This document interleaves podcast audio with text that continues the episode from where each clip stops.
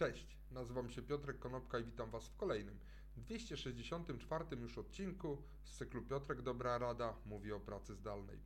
Dzisiaj powiem kilka słów na temat tego, jak przystosować sobie przestrzeń mieszkalną do tej zdalnej pracy, tak żeby łatwiej nam się pracowało. Być może część z Was, e, która pracowała w korporacjach bądź w biurowcach e, w dużych miastach, wie, co to jest open space. Może niektórzy nawet pamiętają, jak ten open space wygląda z czasów oczywiście przedpandemicznych. Na tym open space najczęściej to było jedno piętro w biurowcu, pracowało 100-200 osób. Niektóre biurka były podzielane od siebie takimi niskimi ściankami do wysokości na przykład e, oczu, także był też kontakt wzrokowy czasami zachowywany z kolegą czy koleżanką z biurka obok. Ja pamiętam, że swojego czasu, gdy pracowałem w jednej z takich korporacji w Warszawie, to pracowałem na Open Space. Razem ze mną pracowało tam około 200 osób.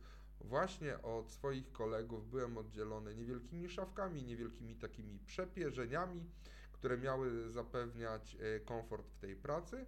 Natomiast ja pamiętam, że pracowałem e, w takim miejscu, że siedziałem tyłem do głównego wejścia na ten open space na e, piętrze, na którym pracowałem. I oczywiście te drzwi cały czas właściwie pozostawały otwarte, bo ktoś wchodził bądź ktoś wychodził. Przypomnę, tam pracowało razem ze mną jakieś 150 czy 200 osób. Ale dzisiaj, gdy pracujemy e, zdalnie, gdy pracujemy ze swojego domu, to bardzo dużo ludzi narzeka, że nie ma swojego miejsca do pracy, bo oczywiście nasze mieszkania nie były przygotowane do tego, że będziemy w nich pracować. I niektórzy z nas oczywiście poprawiają sobie komfort pracy kupując wygodniejsze krzesła czy kupując wygodniejsze biurka, natomiast bardzo dużo ludzi dostrzega e, wadę tej pracy zdalnej związaną z tym, że nie mają pomieszczenia, w którym mogą się zamknąć i w którym mogą po prostu usiąść do pracy, skoncentrować się na tej pracy. Ale w trakcie poszukiwań tematów do kolejnych odcinków Piotrka Dobrej Rady i pozwólcie, że włączę zdjęcie. Trafiłem na taki oto boks biurowy. Boks oczywiście wykonany na e, bazie koła, e, czyli jest to taka tuba. E, cały boks jest zbudowany z materiałów przetworzonych, czyli to nie jest jakiś plastik, tylko to są z, te ścianki są zbudowane z kartonu.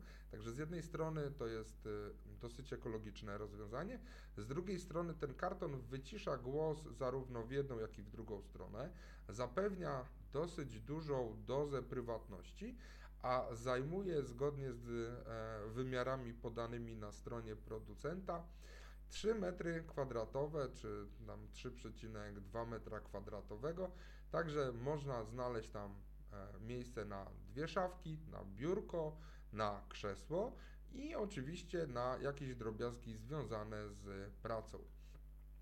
I warto się zastanowić, czy w, jeżeli mamy na uwadze, że pandemia może zostać z nami dłużej, że chcemy albo że będziemy chcieli pracować zdalnie także w przyszłości, może warto zapytać swojego pracodawcę, firmę, dla której pracujemy, czy nie mogłaby partycypować w kosztach y, pozyskania takiego miejsca do pracy dla każdego z nas.